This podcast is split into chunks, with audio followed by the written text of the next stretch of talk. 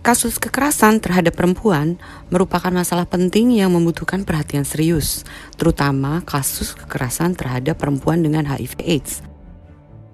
Perempuan posisinya menjadi rentan akibat budaya patriarki di Indonesia.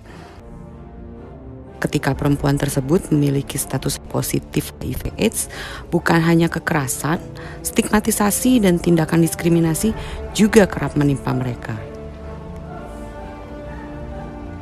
Di tengah itu semua, hadir petugas penerima pengaduan atau P3 sebagai pintu pertama korban kekerasan membantu mereka untuk bisa lepas dari belenggu kekerasan. Saya Suksma Ratri akan mewawancara petugas-petugas penerima pengaduan kekerasan dari berbagai kota di Indonesia dan mereka akan menceritakan pengalaman-pengalamannya ketika menjalani tugasnya sebagai petugas penerima pengaduan. Inilah podcast Perempuan Berdaya, seri Perempuan Lawan Kekerasan. Trigger warning. Podcast ini bisa mengandung materi atau konten yang sensitif dan berpotensi memicu perubahan emosi pendengar. Dimohon untuk kebijaksanaan dari pendengar. Halo, halo kawan IPI, selamat datang di podcast Perempuan Berdaya, Perempuan Lawan Kekerasan. Bersama saya, Suksma Ratri.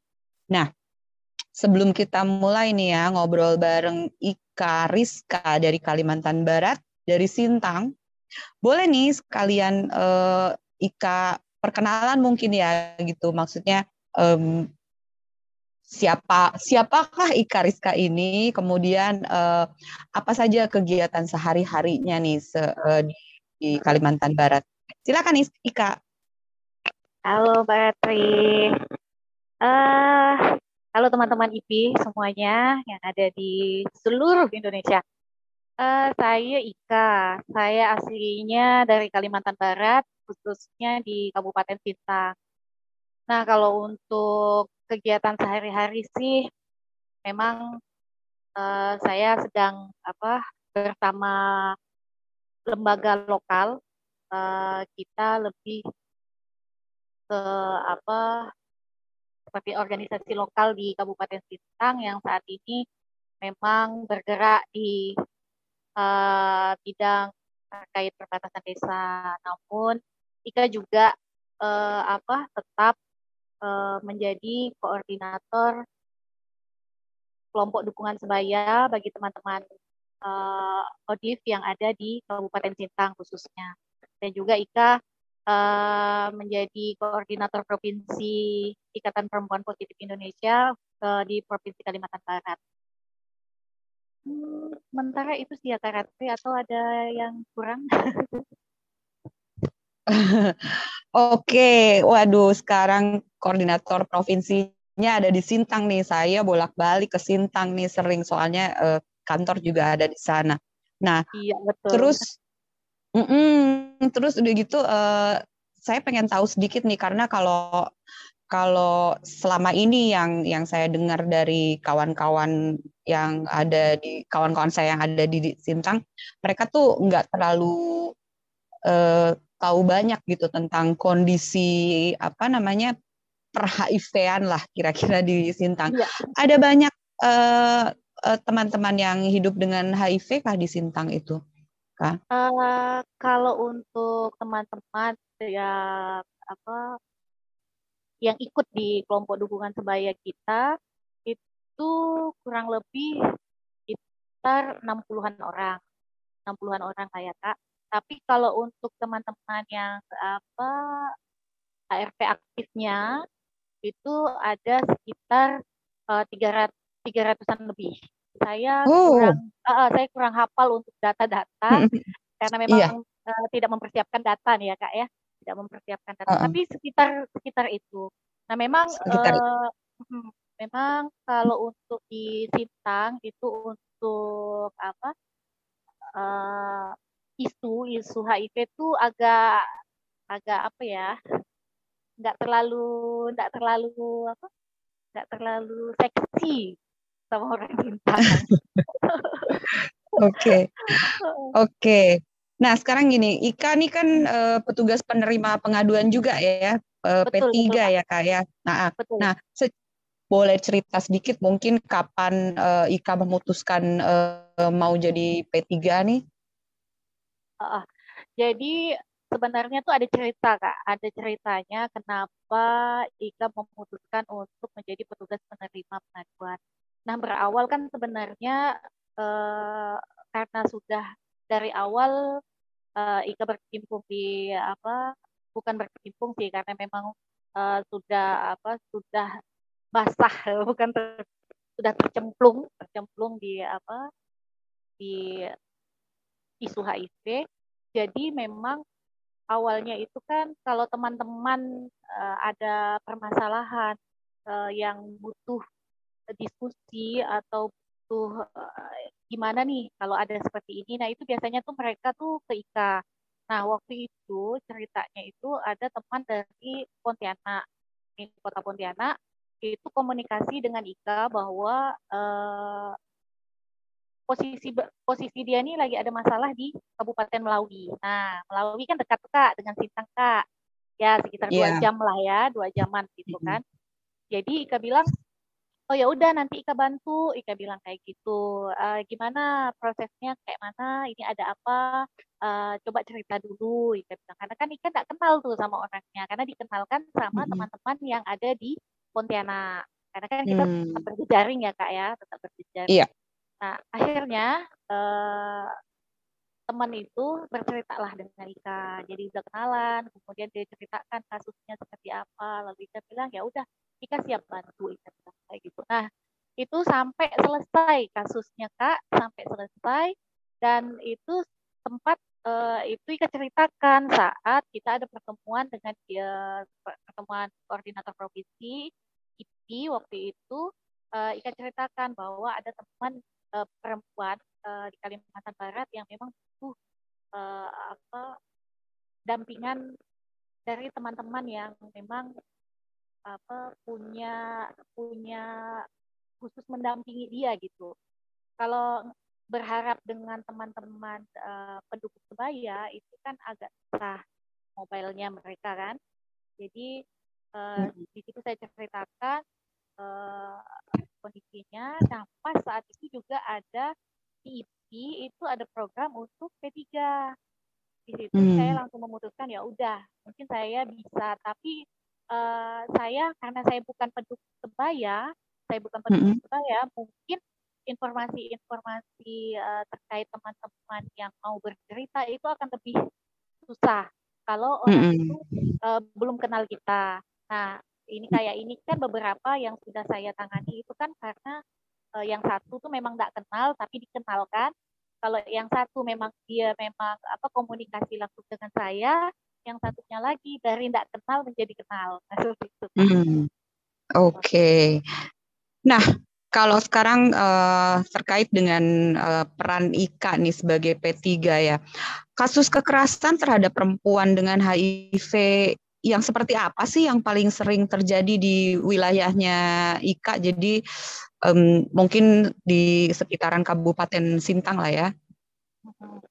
Kalau Ika karena P3-nya di Kalimantan Barat kan Kak, jadi mau nggak mau Ika tetap mendam, apa, mendengar uh, teman-teman di seluruh Kalimantan Barat. Nah, oke. Okay. Uh, uh, uh, jadi yang kemarin yang Ika cerita, yang tadi Ika sempat sebutkan itu uh, kasus dari teman kita di Pontianak, namun dia punya kasusnya di Kabupaten Melawi. Nah ini di Kabupaten Melawi dia sidang cerai, perceraian, dan uh, perceraiannya itu dia sudah mendapatkan uh, kekerasan verbal dan kekerasan fisik.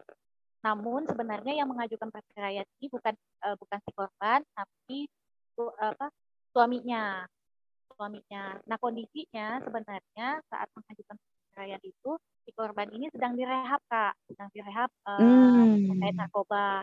Nah jadi kan kaget si suaminya sebenarnya juga sama-sama rehab mereka berdua. Nah, yang anehnya ada ajuan surat cerai itu, ajuan surat cerai dari suaminya, sedangkan um, mereka tahu suaminya sedang rehab gitu. Nah, ini jadi okay. uh, uh, uh, jadi agak bingung. Nah, kondisinya sebenarnya yang uh, status HIV positifnya itu ada di istri, uh, si suami itu negatif. Nah, ada ketakutan-ketakutan dari pihak keluarga hmm. kalau nantinya jika mereka berdua ini selalu bersama, takutnya si istri menularkan kepada suami dan kepada anaknya yang baru dilahirkan itu kemarin itu tapi pas saat di apa saat kasusnya itu si anak istrinya menulari takut, suami gitu ya istrinya menulari suami terus nanti istrinya hmm. juga menulari ke anaknya jadi ketakutan ketakutan itu dari pihak hmm. keluarga jadi asumsi dari si korban ini kemungkinan dari keluarganya yang meminta okay. untuk melakukan perceraian Kayaknya selesai oh. kak saya pas waktu itu memang diminta bantuan uh, untuk menjelaskan ke keluarga awalnya. Tapi mm -hmm. kayaknya dari pihak keluarga itu kan sebenarnya mereka uh, kenapa ada kaitannya pas waktu itu dengan di Kabupaten Sintang karena waktu pemeriksaan awal itu mereka di Kabupaten Sintang. Okay. Jadi saya tahu, ha, jadi saya sempat tahu dan saya sempat mencari tahu uh, tentang si korban dan si uh, si pelapor. Oke. Okay. Eh, si, si pelapor ya. Mm -hmm. Nah, akhirnya Pelap. kita Pel saya eh, apa gimana Kak? Enggak, pelapor ya, bukan pelakor. Iya, pelapor Kak. Jangan salah sebut pula saya ya. Iya, itulah.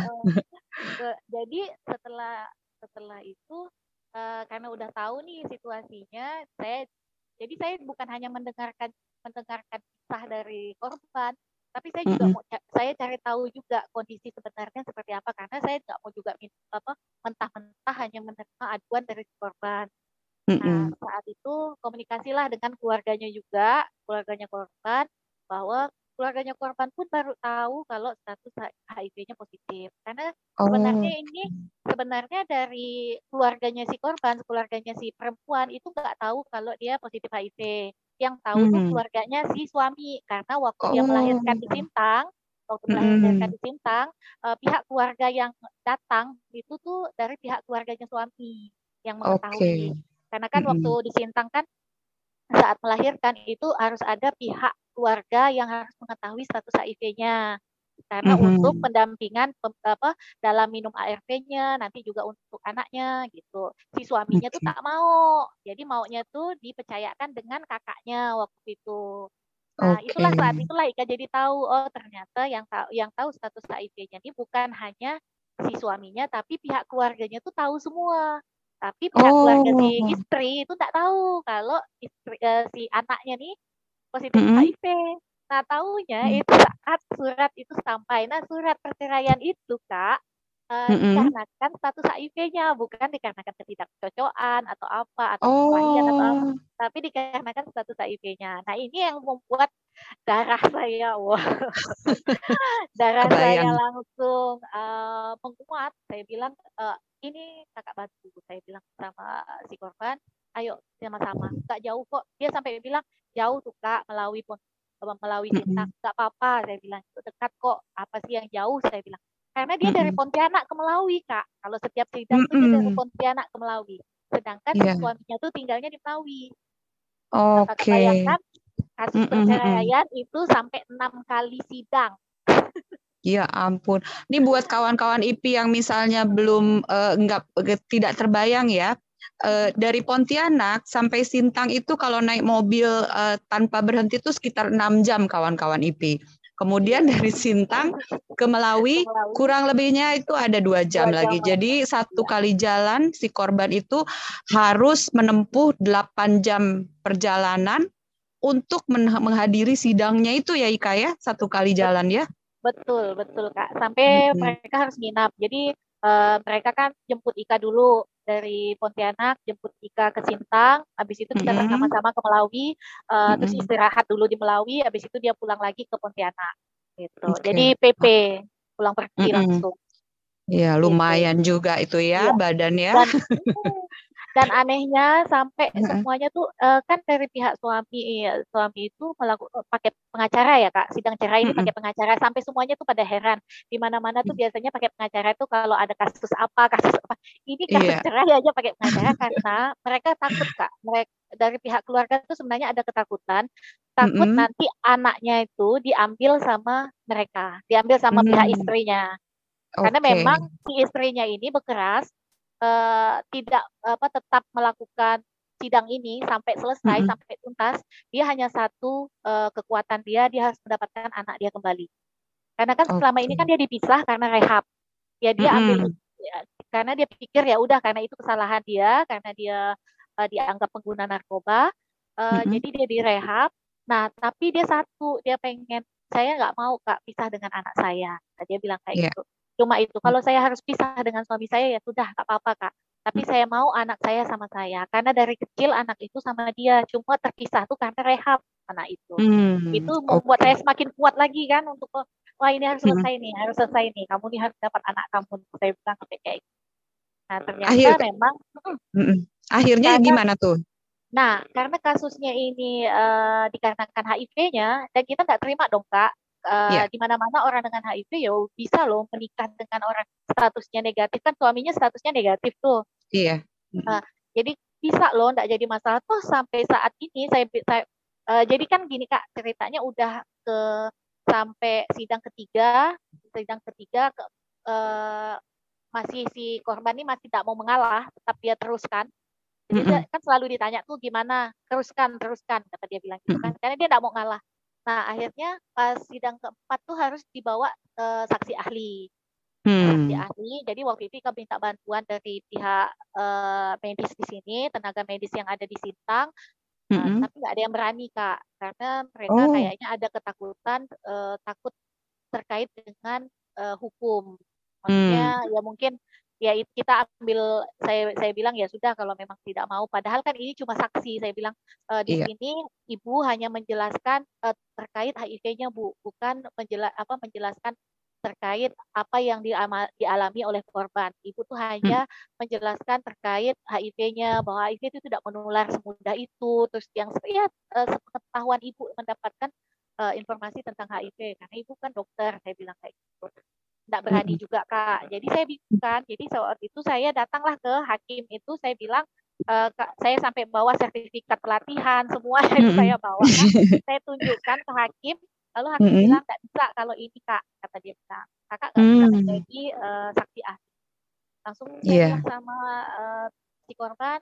Nah sebenarnya jadi posisi saya kak uh, kak saat saya jadi saksi uh, saya saat saya ke sana itu Mm-hmm. Posisi saya sebenarnya saya bukan menjadi seorang P3, tapi posisi mm. saya saya menjadi seorang teman sebayanya dia. Oke. Okay. Jadi, uh, jadi menjadi teman sebayanya dia dengan saya sudah tahu menjadi seorang P3, saya sudah tahu proses yang dia alami dan ini mm-hmm. saya sebagai teman sebaya saya tidak boleh diam. Gitu. Oh. Nah, yeah. saya tidak boleh diam, tapi saya sudah konfirmasi saat kejadian, uh, saya sudah konfirmasi komunikasi dengan teman-teman LBH di Pontianak yang berjaring dengan IP itu LBH mm -hmm. API. Nah saat okay. itu sudah saya komunikasikan kalau eh, apa kalau terjadi sesuatu yang terjadi kesulitan saat saya melakukan apa dukungan oh, pada teman sebaya saya ini, saya bilang itu e, maukah teman-teman LBH nanti membantu? Oh iya gampang kak, kata dia bilang. Ini jalani hmm. dulu prosesnya, nanti tinggal kami nanti masuknya dari mana, kata dia bilang kayak gitu. Berarti udah ter anu udah terkomunikasi kan Kak. Jadi saya waktu itu karena tim ahlinya apa saksi ahli tidak bisa, akhirnya saya menjadi saksi teman. Hmm, oke. Okay. Nah, uh, saya menjadi saksi teman, di situ saya menjelaskan bahwa sebagai teman itu kita ya tidak mudah lah. Akhirnya saya juga sebagai teman, teman yang memang kondisinya saya juga punya anak, saya HIV positif, saya tidak mudah menularkan pada anak saya dan saya tidak menularkan kepada orang lain gitu. Dan saya bilang sampai saya status saya sudah viral load, saya anti tag, saya bilang gitu. Apalagi yang mau ditakutkan dari saya? Hakimnya yeah. terkejut kan, hakimnya terkejut kok semudah itu kita terbuka. Saya bilang karena bagi saya tidak ada kasus perceraian dikarenakan HIV positifnya. Kalau dia kasus perceraian dikarenakan yang lainnya mungkin iya, tapi kalau karena kasus positif HIV Pak, saya tidak mau. Dan saya sebagai teman sebayanya dia saya tidak terima. Dan ini bisa saya sangkut pautkan lagi bahwa kami teman-teman Odif tidak akan terima kalau ada teman-teman Odif diginikan. Saya bilang kayak gitu waktu itu. Hmm. Dan hakimnya paham rupanya. Dia bilang iya oh. tidak mudah, tidak mudah menolak. Saya juga bingung nih kok uh, permintaannya perceraian karena status HIV saya HIV HIV-nya gitu kan. Saya pikir karena yeah. ada kekerasan atau apa. Nah, hmm. satu lagi Pak, saya saya sampai bilang kan waktu itu sama hakimnya Dan kejadian mm-hmm. ini jangan sampai kami teman-teman audit tidak bisa mengasuh anak. Salah ya Pak ya saya Oh udah udah kamu tidak ada hak untuk menjelaskan itu karena kamu bukan saksi ahli. Nah, akhirnya oh. sampai membatasi itu karena karena saya saksi teman, jadi akhirnya saya bercerita hanya sebagai teman, saya seorang mm -hmm. ini, jadi saya menceritakan kisah saya. Seperti itu sih okay. kak. Akhirnya mm -hmm. selesai, selesai okay. dan anaknya didapatkan oleh dia. Itu saya oh alhamdulillah. Nah mm. sekarang dia tinggal di Pontianak bersama anaknya, mm -hmm. dan itu sempat sempat hari apa sempat disembunyikan anaknya oleh pihak keluarganya si suami karena mm -hmm. dianggap uh, apa tidak punya hak untuk mengambil padahal di saat hasil sidang terakhir itu ibu masih berhak mendapatkan mm -hmm. anak. Oke. Okay. akhirnya dah kayak selesai lah. Tapi sampai sekarang pun masih kita mendampingi uh, apa mm -hmm. terus saya dampingi. Nah memang rata-rata oh. kasus kalau untuk di yang beberapa yang udah saya tangani itu rata-rata di ibu rumah tangga yang mereka mendapatkan kekerasan dari suaminya yang suaminya itu negatif gitu loh kak. Oke. Okay. Kekerasannya dari pasangan ya, pasangan, pasangan yang negatif ya biasanya. Iya, pasangan okay. yang negatif. Kalau yang kasus yang kedua itu uh, sampai status HIV-nya itu muncul di media sosial. Sampai oh, ya? obatnya, ya? uh, obatnya, minum obatnya sampai di media sosial itu Facebook, IG, mm -hmm. Mm -hmm. TikTok dibuatin sama si suaminya. Karena tadi oh. si istri si istrinya kan minta cerai karena tadi udah mendapatkan kekerasan fisik sampai mm -hmm. ditonjokin lebam kan mm -hmm. mukanya jadi minta cerai si istrinya pinta, uh, pulang ke rumah orang tuanya mm -hmm. si suami tidak terima nah saking dia cinta dengan istrinya tidak terimanya itu dia melampiaskannya itu dengan mengung mengungkapkan status HIV positifnya tuh mm. ke media supaya okay. maksudnya tuh mungkin maksudnya tuh supaya si istrinya tuh takut kan ya udah aku yeah. balik lagi ke kamu gitu hmm klasik lah ya itu. Iya. nah, sekarang eh, kalau misalnya nih ada perempuan dengan HIV dan AIDS yang menjadi korban kekerasan di wilayahnya Ika nih, apakah masyarakat dari berbagai ranah seperti tenaga kesehatan, lembaga hukum atau masyarakat umum yang eh, ada di sekitar eh, korban itu rata-rata sudah ramah dan mau membantu atau atau gimana? Tadi kan Ika sih sempat cerita ya tenaga kesehatan e, menolak untuk menjadi saksi ahli karena e, berbagai faktor gitu. Bagaimana dengan yang lainnya? Nah, kalau e, memang sebatas karena ini Ika masih ranahnya masih kemarin kan masih di Kabupaten Sintang ya Kak. Nah, kita waktu itu sempat e, sosialisasi di e, di provinsi e, di Pontianak itu beberapa puskesmas hmm. itu mereka mendukung malah kak malah mereka uh, hmm. ya udah kak kalau misalnya nanti kami ada aduan aduan dari teman-teman uh, uh, teman-teman Odif kata dia bilang gitu kan mereka bilang nanti kami akan bantu uh, semampu hmm. kami uh, untuk gimana caranya untuk penyelesaian tapi okay. kita bukan bukan membantu malah gimana ya kan itu hanya sebatas kemampuan kami ya kan sebagai tenaga medis gitu kan kalau untuk yang di puskesmas kemudian kalau tapi ini hanya beberapa puskesmas yang memang sudah kita temui ya kak nah mm -hmm. untuk untuk di tempat-tempat lain ya saya juga belum tahu karena memang belum pernah belum ketemu kan belum ketemu nah kalau untuk yeah. di Sintang kalau untuk di Sintang sih beberapa ada dua puskesmas itu sudah sudah menyatakan mereka ya siap gitu kan. Mm-hmm. Tapi ya itu ya Kak balik lagi ter- terkadang uh, kesiapan dengan saat di lapangan itu akan beda. Paham Iya, betul. Betul, nah, betul. Terkadang kita bilang oke okay, gampang ya aman aman gitu.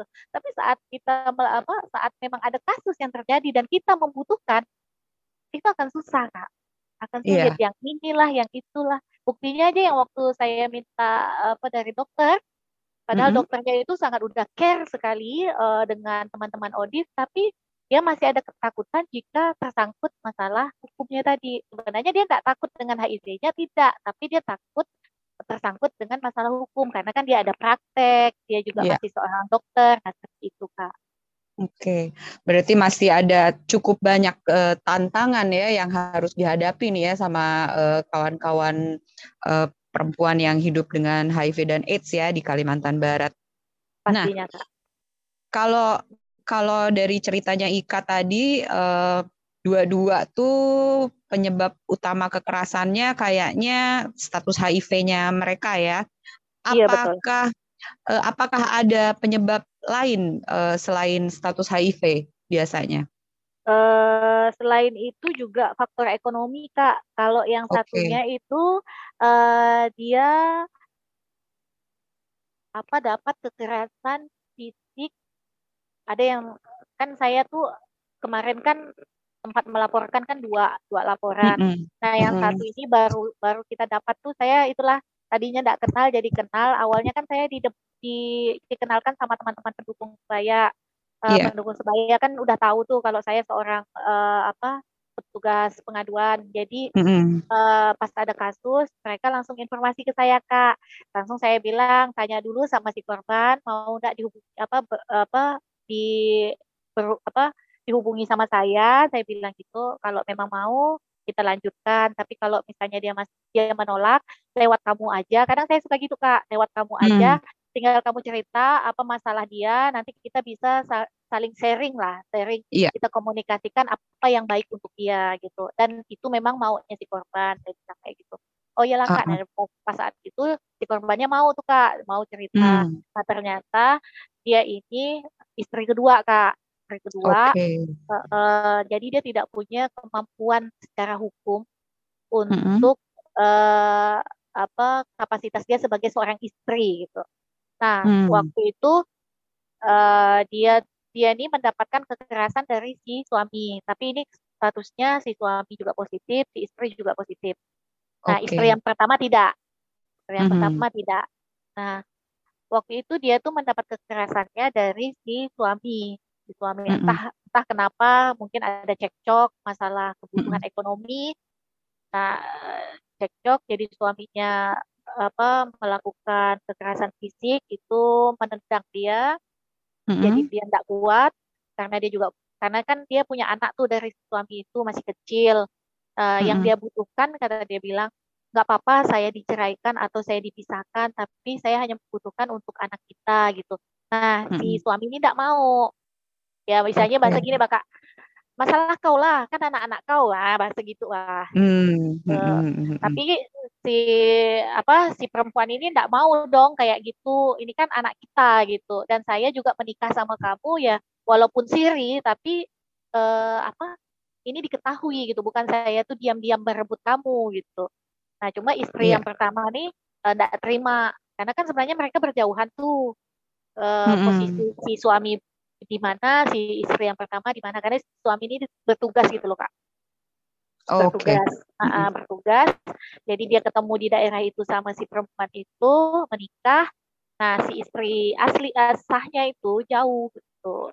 Nah saat okay. dia kembali si suaminya dengan istri sahnya si istri kedua ini dibawa lah ke daerah tempat uh, tempat mereka tuh.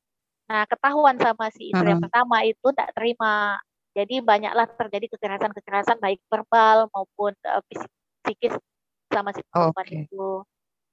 Nah uh, setelah itu uh, dia tuh cuma membutuhkan tuh gimana ekonomi supaya si anak ini tetap di tetap dapat uh, tunjangan apa, lah ya. Uh, tunjangan mm -hmm. lah seperti itu. Mm -hmm. Kamu mau misahkan saya tidak apa-apa, tapi jangan uh, apa posisinya tuh jangan anak ini tidak dapat gitu karena saya yeah. pun tidak uh, pisah sama kamu berarti saya tidak belum bekerja gitu bayangkan mm-hmm. anak ini masih kecil masih butuh masih butuh apa uh, susu karena kan dia susu ini kan bukan susu formula bukan menyusui kan uh, masih dengan mm -hmm. susu formula yang saya tidak bekerja saya harus dari mana mendapatkan itu kata dia bilang kalau saya sudah saat itu saat diceraikan atau saat dipisahkan saya sudah bekerja mungkin saya akan mampu tanpa meminta kata dia bilang itu Nah ini okay. kak saya saya minta waktu itu kan dia mintanya itu e, minta bantu saya. Adakah teman-teman LBH yang bisa membantu saya untuk melakukan perceraian itu supaya dia itu mendapatkan hak-haknya dan anaknya itu mendapatkan mm -hmm. hak-haknya.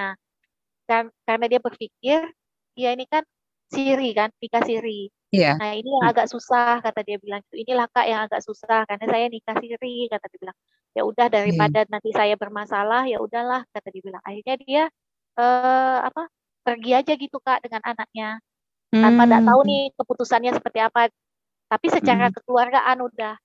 Jadi okay. kan tadinya dia mau melapor kekerasan yang dilakukan oleh suaminya, akhirnya suaminya bilang e, apa tidak usah dilanjutkan. Nanti kalau dilanjutkan kamu yang akan susah karena kondisi. Jadi ada kayak ada ancaman dan akhirnya si korban pun ya sudah kak tidak apa-apa yang penting saya tenang anak-anak anak saya juga tenang akhirnya anaknya tuh dibawa dia ke tempat keluarganya dan dia bekerja di daerah tersebut jadi okay. dia mengamankan anaknya okay. dan dia pergi dari keluarga itu Nggak mampu nah ya katanya uh -uh. Berarti ini uh, ini kan yang tadi Ika bilang uh, dua-dua sama-sama positif ya kak ya uh, iya. statusnya ya. Uh, tapi ternyata uh, si apa salah satu penyebab dari kekerasannya itu uh, eko, faktor ekonomi, kemudian kesulitan dan kendala yang dihadapi oleh si korban adalah karena status pernikahannya ini adalah pernikahan siri. Iya, benar, Begitu kak. mungkin ya. Benar kak. Benar. Uh, nah, kalau menurut Ika sendiri dukungan seperti apa yang bisa diberikan oleh uh, masyarakat umum kepada uh, para perempuan yang hidup dengan HIV dan AIDS yang menjadi korban kekerasan? Uh, sebenarnya dukungannya ini sebenarnya sebenarnya apa sama sih kak harusnya kita tuh harus disamakan lah ya dengan dengan perempuan-perempuan lainnya yang mendapatkan kekerasan gitu. Uh, cuma bedanya mm -hmm. kita nih kan karena uh, teman-teman positif HIV ini kan ada obat yang terus harus mereka minum. Akses layanan mm -hmm. itu harus tetap mereka dapatkan. Jangan yeah. kebanyakan nih kan sama uh, yang kasus saya nomor dua itu kak dia sempat putus mm-hmm. layanan putus okay. layanan karena malu nah karena malu karena tadi tadinya kan status HIV-nya kan orang banyak tak tahu karena yeah. HIV-nya udah di media kan akhirnya banyak orang mm-hmm. yang tahu dan dia malu padahal sebenarnya sebenarnya teman-teman mm-hmm. yang lainnya tuh udah paham maksudnya tuh ya udah kamu kan udah minum obat kamu udah sehat ya udah lanjutkan gitu ya teman-teman mm-hmm. yang lain cuma karena tadi ya namanya kita punya perasaan ya si perempuan juga dia punya perasaan jadi dia ada rasa malu nah sempat itu tuh dia di layanan tuh berhenti nah inilah sebenarnya uh, apa uh, salah satu tugas kita sebagai apa ya kalau P3 sih tidak terlalu itu sebagai tugas intinya ya kak tapi kan kita untuk memastikan mm -hmm. memastikan bahwa dia mendapatkan layanan uh, yang dia butuhkan itu kan kita harus tahu harus kita pastikan. Yeah. Jangan hanya kita mendengarkan Betul. mendengarkan uh, kasus dia saja, udah itu kita laporkan, tapi kita tidak tahu nih sebenarnya layanan yang dia butuhkan saat ini mungkin adalah dukungan sebaya dan layanan ARP yang terus mendukung dia gitu. Nah, okay. itu sempat terjadi dan kan karena hilang kontak tuh sama saya tuh mm -hmm. karena kejadiannya mm -hmm. dia tuh malu kak malu karena sudah mm -hmm. dibantu dibantu penyelesaian tapi ternyata dia balik lagi dengan suaminya yang melakukan kejahatan tadi karena oh, sayang okay. tadi sayang. Cinta cinta. Uh, cinta lah ya dia uh, mm -hmm. karena cinta tadi uh akhirnya kembali lagi dan itu membuat dia malu juga ketemu dengan teman-teman lainnya yang uh, apa yang sesama audis padahal mm -hmm. saat saya uh, terakhir menghubungi saya tuh kak dia bilang mm cuma Kak Ika aja yang bisa paham saya, jadi saya cuma kakak, kata dia bilang kayak gitu. Mm-hmm. Lalu saya bilang, saya ngomong di sini bukan saya sebagai uh, teman, saya bilang karena kalau saya ngomong sebagai teman, pasti saya juga kesal, saya bilang kayak gitu. Mm-hmm. Saya juga kesal. Tapi di sini kakak ngomong karena kakak sebagai petugas penerima pengaduan yang dulu kamu mengadu dengan kakak, dan kakak sekarang harus memastikan bahwa kamu mendapatkan layanan yang kamu butuhkan. Sekarang layanan apa yang kamu butuhkan kemarin, apa yaitu layanan ARV itu tetap tetap hmm. apa tetap berlanjut karena kan sempat ARV kamu kan di, dibuang sama suami kamu dia bilang kayak gitu kan hmm. jadi dia, dia bilang okay. itu sih itu masalahnya kak saya mau ke hmm. susah kata dia bilang karena kalau saya ke sana tuh habislah saya nanti dimarah-marah di marah-marah, yang di inilah, di itulah kata kita. Jadi dia udah menstigma dirinya dulu loh Kak Ratri. Padahal teman-teman di layanan yeah. itu menunggu dan menunggu dia datang sama menunggu, mm -hmm. menunggu dapatkan informasi dari dia. Karena kan komunikasinya putus tuh. Dia ganti nomor HP, dia punya benar-benar putus. Gitu. Jadi saat itulah saya kuatkan. Berarti uh, berarti salah satu dukungan yang penting itu adalah uh, membesarkan hati uh, para korban ini ya memberi mencoba mengembalikan uh, rasa percaya diri mereka gitu kemudian memastikan bahwa uh, mereka itu paham um, teman-temannya atau lingkungan sekitar itu uh, mendukung mereka gitu ya kak ya betul, uh, betul, singkatnya kak. ya iya betul kak okay. karena memang saya selalu uh, bagi saya pribadi ya kak, bagi saya pribadi ada sesuatu jika seseorang itu uh, apa mengadu kepada saya atau bercerita kepada saya, saya tidak serta merta sudah sudah berkomunikasi dengan dia, habis itu saya tinggal, saya tidak mau kak kayak gitu kan, mm -hmm. mau bagi saya pribadi itu tetap uh, terus kita tanyakan, saya dampingi, mendampinginya iya. maksudnya yeah. ya paling tidak bertanya lah, gimana yeah. sehat, nah kayak yang yeah. satu itu aja dia udah udah selesai kan kasusnya dengan keluarganya, eh dengan suaminya itu udah selesai, jadi mm -hmm. keluargaan udah selesai, tapi saya tetap me, apa bertanya kepada dia karena kan kita hanya ketemunya lewat lewat chat tuh kak, jadi yeah. tidak pernah ketemu mm -hmm. karena jauh kan. Jadi saya yeah. selalu tanya gimana sehat. Kadang di statusnya itu saya selalu komen. Mm -hmm. Jadi dia merasa oh ada kawan gitu. Karena dia yeah. kan iya. belum terbuka tuh kak, belum terbuka sama siapa pun mm -hmm. belum. Dia hanya pada suaminya itu. Jadi dia bilang e, kak. Jadi dia akhirnya curhatnya curhat tentang uh uh, notifikasi pasangan. Kemudian dia okay. curhat juga tentang apa gimana caranya kak kita kalau mau buka status dengan keluarga. Karena saya hmm. sebenarnya pengen buka status dengan keluarga saya karena kalau sempat terjadi apa-apa sama saya kasihan keluarga saya. Ah, sampai ya jadi akhir, akhirnya curhatnya bukan kekerasan lagi kak, tapi curhatnya gimana hmm. cara menguatkan tadi supaya dia ada kepercayaan diri, supaya dia uh, paham bahwa kondisi kesehatan dia tuh baik-baik saja kan dia yeah. mengkonsumsi ARV ya seperti itulah kak akhirnya jadi mm-hmm. akhirnya menjadi seorang uh, apa terus mendampingi mereka jangan melepaskan teman-teman yang sudah mendapatkan kekerasan karena suatu ketika akan ada masa uh, apa saat mereka tidak kuat hal-hal iya. buruk yeah. tadi yang sudah pernah mereka uh, dapatkan itu akan kembali lagi kak kayak kita kena apa kena luka lalu yeah. luka itu terbuka lagi gitu bah ah, gitulah bahasa iya yeah. yeah. paham paham, paham nah ya, Kak, ya? sekarang gini kalau uh, ada sedikit yang saya pengen tahu nih, apakah pihak pemerintah atau kader-kader masyarakat di Kalimantan Barat ini di areanya IKA nih um, ada upaya untuk menurunkan angka kekerasan terhadap uh, perempuan yang hidup dengan HIV dan AIDS? Oke Kak, Apa kalau uh, ya uh, kalau untuk Enggak. upaya khususnya kalau hmm. di perempuan dengan HIV itu sih uh, hanya sebatas mereka tuh selalu bertanya apa apa kayak uh, apa bertanya lah ya bertanya kepada -hmm. setiap teman-teman Odif itu apakah pernah mendapatkan kekerasan atau seperti ini -hmm. seperti itu tapi kan uh, namanya kita mendapatkan kekerasan ini tidak serta merta kita akan mengadu ada ketakutan atau apa gitu kan.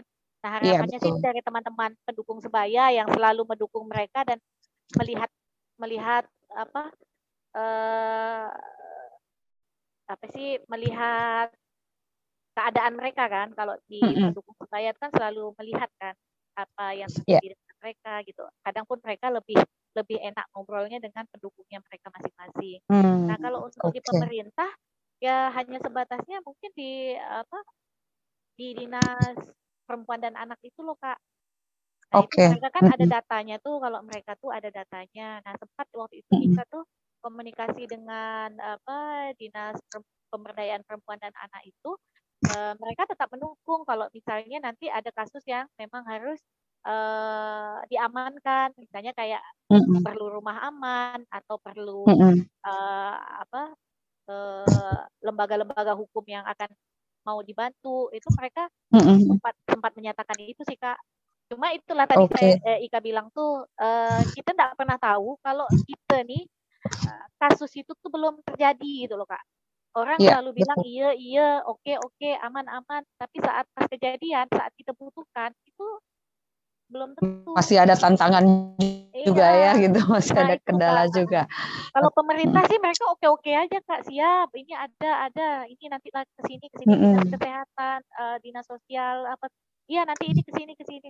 Tapi kan nanti di kenyataannya ini kita belum tahu gitu, karena Ika belum uh, apa belum menjalani kasus yang sampai ke situ gitu. Tapi iya. kalau yeah. untuk yang uh, apa lembaga LBH Apik itu sudah sudah pernah Ika ikuti eh, apa sudah pernah uh, apa komunikasi dan dan itu mereka respect gitu terus mm -hmm. terus bertanya terus bertanya sampai kasus selesai mereka sudah oke okay, gitu nah terus okay. kalau di apa di puskesmasnya atau di apa layanan-layanan lain yang butuh kayak psikolog atau apa kalau untuk di Kabupaten Sintang itu udah siap kemarin sampai sempat dia bilang jika kalau ada eh, teman-teman uh, yang apa eh, teman-teman uh, yang perlu bantuan di mental health-nya datang mm-hmm. aja ke aku kata dia bilang datang aja ke aku aku mm. pasti bantu karena teman-teman Odif akan beda layanannya dengan uh, perempuan-perempuan yang biasa kata dia bilang apalagi kalau teman-teman Odif yang mendapat kekerasan itu akan beda sekali kak kata dia karena dia paham sebelumnya dia pernah jadi konselor di HIV dan dia udah menjadi oh, psikolog okay. gitu Oke, seru banget nih mendengarkan uh, pengalamannya Ika dan sepak terjangnya Ika di Kalimantan Barat ya luar biasa. Nah, satu hal terakhir nih Kak, setelah jadi P3, apa yang uh, bisa Ika petik dari pengalaman-pengalaman yang sudah dilalui ini kira-kira? Uh, sebenarnya pengalaman yang apa yang Ika dapatkan sih ini sebenarnya sih Kak karena Ika seperti ini karena pun Ika sebenarnya kan Ika pernah mendapatkan seperti itu juga gitu. Hmm. Jadi Ika tuh kayak berkaca orang melihat hmm. Ika kalau Ika kuat berarti orang pun bisa kuat gitu. Okay. bilang Ika selalu ngomong sama teman-teman juga kayak gitu. Kalau kamu sehat, kamu lihat aku, aku bisa sehat, berarti kamu bisa sehat. Kalau kamu apa saat terjadi kekerasan, kalau kamu diam, ya kamu akan terus menjalani kediaman itu dan kamu terus akan mendapatkan kekerasan. Tapi kalau hmm. kamu berbicara, paling tidak ada kawan berbicara, suatu saat uh, kamu akan menjadi seseorang yang akan lebih kuat karena saat kamu hmm. mendapatkan kekerasan itu, kamu akan mampu melaluinya gitu. Saya sampai bilang kayak gitu. Uh, Oke. Okay.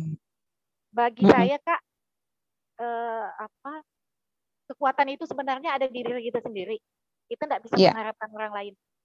Yeah. Ada di diri kita sendiri. Kalau kita kuat, insya Allah kita bisa menjalani semua itu.